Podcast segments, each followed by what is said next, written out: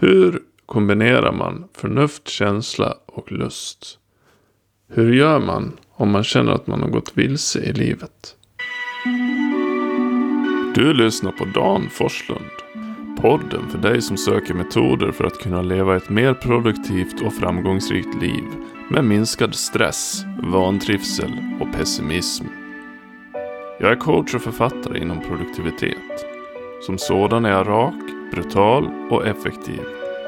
Mina ideal är minimalistiska och stoiska. Låter det bra? Välkommen! Hej och välkomna till min utomordentligt trevliga podcast. Tycker i alla fall jag. Dagens ämne handlar om att vara vilse. Att inte veta vad man vill.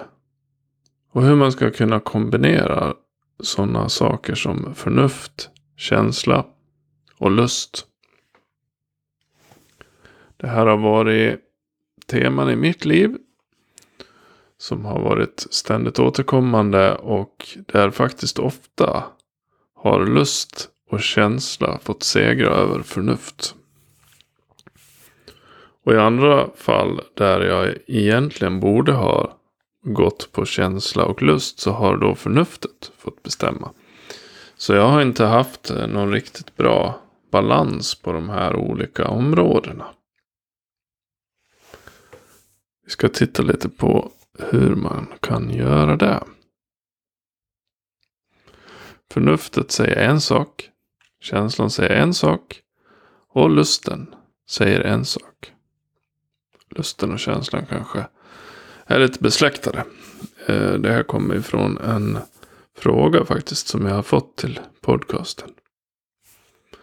Men hur sammanfattar man att alla de här delarna ska kännas rätt i ett beslut? Vi kan börja med den här utgångspunkten när man är vilse. När man inte vet vad man vill. Jag ser ofta den här frågan i olika sammanhang. Att jag vet inte vad jag vill. Jag känner mig vilse i livet. Och det anses i regel alltid som någonting negativt. Men om man tänker efter så är det ju faktiskt en ganska bra grej att veta att man är vilse. Om man är vilse utan att veta om det. Då är man ju verkligen ute och cyklar. Då kan man ju tro att man vill en sak som man inte vill. Det är ju betydligt sämre. Det kan innebära att du är på ett jobb som du egentligen inte vill ha. Du bara vet inte om att du inte vill ha det. Utan du tror istället att det är din partner som är dum i huvudet. Eller att det är någonting annat som stör dig. Den som vet att han eller hon är vilse. Har tagit sitt första steg och vet att nu måste jag ta reda på vad jag ska göra.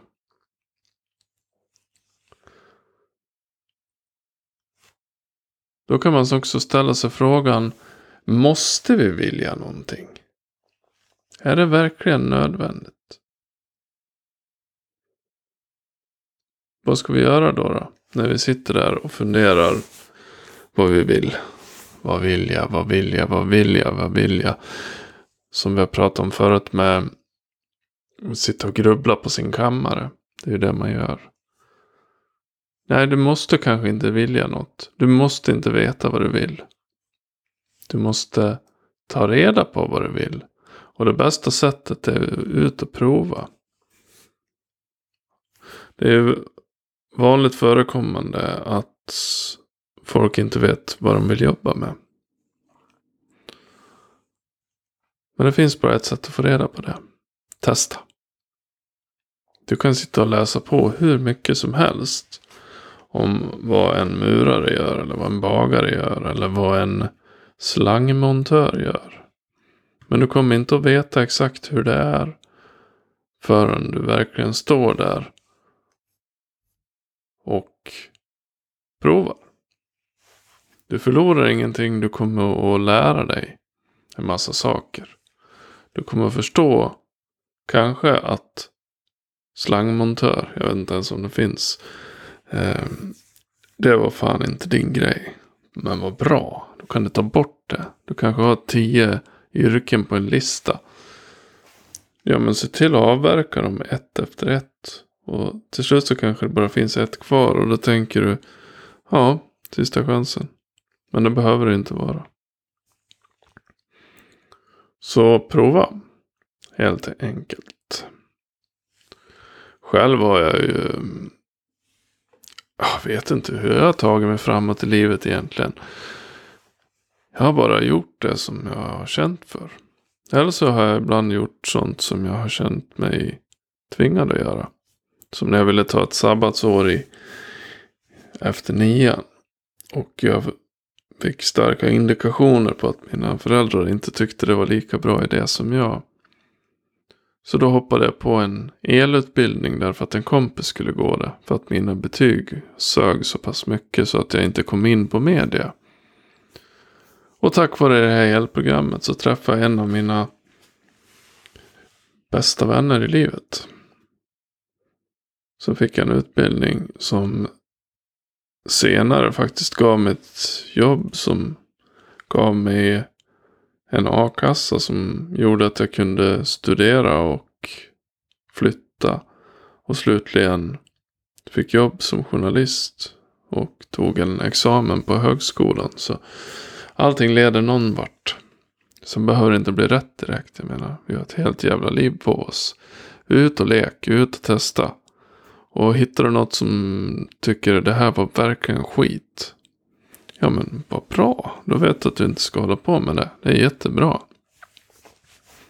Jag provade att vara faktiskt lärare ett tag. För att jag tänkte att lärare borde vara min grej. Och så var man filmlärare åt yngre barn. Eller yngre, yngre ungdomar. De gick i mellanstadiet. Och ehm, det var inte så mycket lärande och utlärning som jag fick hålla på med. Utan det var ju mest barnuppfostran. Och då hade man ju egna barn hemma som jag också ville uppfostra. Så att det var ju inte min grej.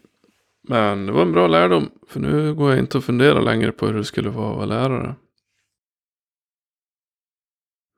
Nog om detta då. Hur kan man kombinera förnuft, känsla och lust? Ja, eh, Platon, den gamle liraren, filosofen, han har en modell där förnuftet är en kusk som står i en vagn. Vagnen dras av två hästar. Känsla. Och det andra är lust. Och det är så han tänker sig att, att det går till. Att det är förnuftet som styr de här två andra. Och det, den stora utmaningen är att få känsla och lust och springa åt samma håll. Så genom att vara förnuftiga så ska vi tygla våra känslor. Vår lust.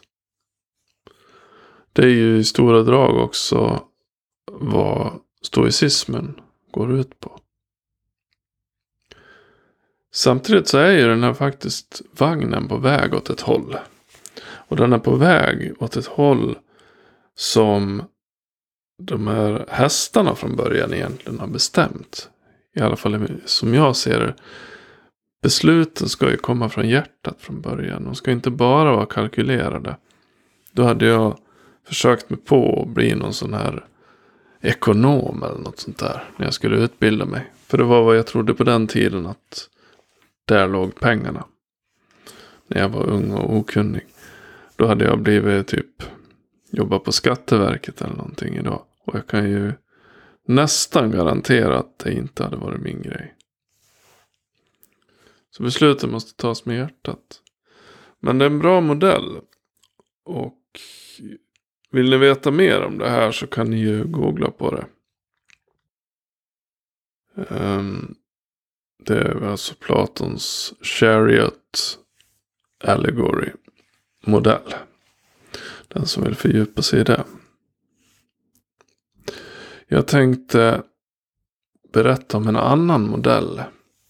som jag gillar. När man ska välja någonting. När man inte riktigt vet och när man är vilse i livet. Och det är den här japanska modellen som heter Ikigai. K-I-G-A-I. Ni kommer att hitta den ni söker. Jag kommer att skriva det i min beskrivning under det här avsnittet också. Så att ni kan kolla på det. Men Ikigai är alltså. Det går inte riktigt att översätta från japanska. Men det betyder något i stil med vad som gör livet värt att leva. Ungefär vad som skapar ett gott liv. Och den här modellen består av en kombination av fyra olika cirklar. Som man ställer på varandra. Ni får lov att kolla det här på nätet för jag kan inte beskriva det riktigt. Men den ena cirkeln är vad du är bra på. Den andra cirkeln är vad du älskar. Den tredje cirkeln är vad världen behöver. Och den sista är vad kan du få betalt för. Och när man då ställer de här cirklarna bredvid varandra. Alltså en vänster, en uppe, en höger och en nere. Då får man en ikigai i mitten. Och eh, man får också fyra fält som ytterligare skapas. Som är passion, uppdrag, yrke och vocation. Jag vet inte vad det betyder faktiskt. Jag orkar inte kolla upp det. Utan det får ni göra om ni vill veta det. Uh, I alla fall den här modellen. Innebär då att du ska hitta på något som du älskar. Något som världen behöver. Som du kan få betalt för och som du är bra på. Om du lyckas sammanfoga de här fyra. Då har du förmodligen valt något som du kommer att få ett gott liv av. Du kommer att tjäna pengar. Du kommer att få göra någonting du är bra på. Du kommer att få göra någonting som behövs. Och du kommer att få göra någonting som du älskar. Jag tycker det är en smart och bra modell, åtminstone när det gäller yrken. Men jag tänker mig också att man skulle kunna använda samma modell även för hobbys. Och kanske byta ut någonting. Vad du kommer få betalt för kanske inte är viktigt längre. För en hobby. Att världen behöver det är kanske inte heller viktigt. Men någonting du älskar och som du är bra på. Kanske man skulle kunna lägga in vad som kan utveckla dig som person. Och vad som kan gynna människorna runt dig. Sådana saker. Ikigai alltså. Jag tycker ni ska kolla den. Så för att knyta ihop det här lite spretiga och röriga avsnittet. Där jag till och med droppade ett engelskt ord som jag inte visste vad det betydde. Så att inte veta man, vad man vill och att vara vilse och kombinera förnuft, känsla och lust är någonting som är svårt men det är också vad livet går ut på. Och jag har presenterat lite modeller här för hur man kan tänka. Dels Platons den här att förnuftet driver känsla och, och lust. Och även den japanska Ikigai. Och sen har jag berättat lite om min egen resa. Vad som har drivit mig. Men jag kom på. Jag har lite mer att berätta angående min egen resa. Jag sa ju att jag inte ville bli ekonom när det begav sig. Jag ville, jag ville inte tänka smart och strategiskt när jag valde yrke. Istället så valde jag att gå en utbildning som skulle utveckla mig som människa. Det var faktiskt så jag tänkte. Så jag gick och tog studielån för att gå en utbildning som skulle göra mig till en bättre människa. Hur flummet är inte det? Men jag är ganska glad att jag gick kulturvetenskap som det hette. Där man fick sätta ihop sitt eget program. Där i slutändan landade jag på språk och media och teoretisk filosofi. Jag läste egentligen för många poäng för min examen. Men det var ju en del av grejen. Jag var ju där för att det var kul. För att jag skulle bli en bättre människa som jag tänkte. Skulle jag tycka att mina barn borde gå en utbildning av samma anledning? Ja, jag skulle inte rekommendera att de gjorde det. Men om de trotsade mig och i alla fall gjorde det. Så skulle jag förstå. Det skulle jag. Det är svårt att veta vad man vill göra. Men eh, det är viktigt att man gör någonting som känns meningsfullt. Även om du inte kan göra det på ditt jobb. Så kan du göra det som en hobby. Just nu så har jag ett kul jobb när jag jobbar med reklam. Men jag har också mina passionsprojekt. Som ger mig styrka och energi. Och det innebär ju också att när man snackar med folk i, ja, från jobbet och kunder och sånt. Och sen undrar någon, vad ska du göra i helgen? Då ska jag sitta och spela in podd och hålla på med sådana saker. Medan andra kanske ska chilla och dricka lite vin och äta lite god mat och sådana saker. Så det här är verkligen ett passionsprojekt för mig. Och det är någonting jag kan rekommendera. Sätt igång ett passionsprojekt. Du kanske har ett jobb som är omöjligt att vara passionerad i åtminstone just nu. Och det kanske är omöjligt att byta. Men se till att ägna dig åt någonting som kan ge dig bränsle som människa. För då kommer allting annat också att bli roligare. Tack för att du lyssnade på min podd. Har du frågor som du vill att jag tar upp i podden? Maila mig på kontakt danforslund.se eller skicka meddelande till Forslunds fantastiska värld på Facebook. Den har adressen facebook.com forsfant. Vi hörs!